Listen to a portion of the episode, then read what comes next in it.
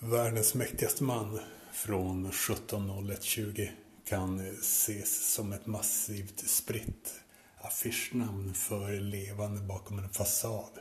En viss sorts människotyp som är relativt ovanlig men ofta högpresterande tenderar att ibland avslöja en bristande insikt om sin särart genom att till exempel ljuga på ett sätt så uppenbart att det bara är erkännandet som saknas i tron att omgivningen också bara ser förhållandet till sanning som ett rent spel frikopplat från samvete där spelarna ljuger så mycket som man kommer undan med. Behandla individer väldigt olika beroende på om de upplevs vara med eller emot den.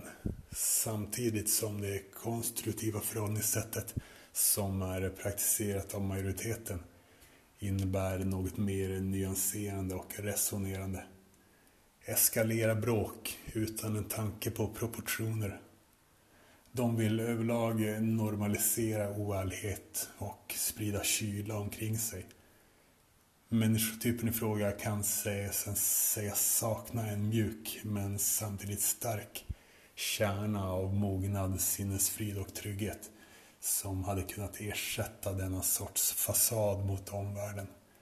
Den här texten varken utger sig för att vara vetenskaplig eller använder sig av korta förenklande diagnosnamn.